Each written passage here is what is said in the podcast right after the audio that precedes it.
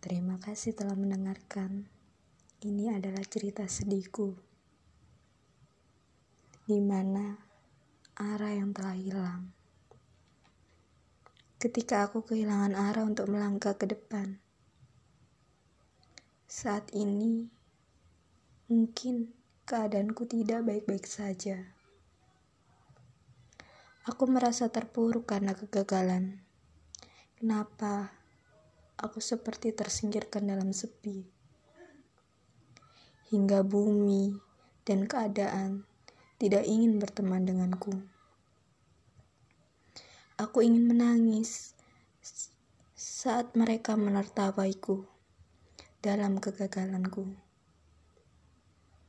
Seakan aku telah terbuang ke jurang yang paling dalam.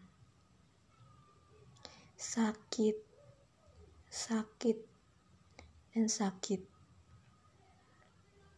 Apa cuma aku yang merasakan seperti ini? Apakah mereka juga sama merasakan apa yang kurasakan saat ini?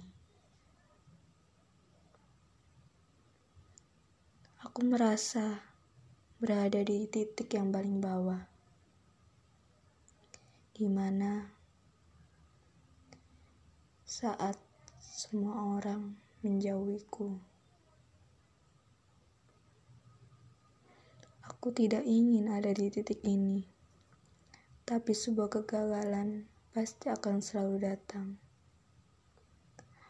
Aku harus bisa bangkit dalam keterpurukan ini.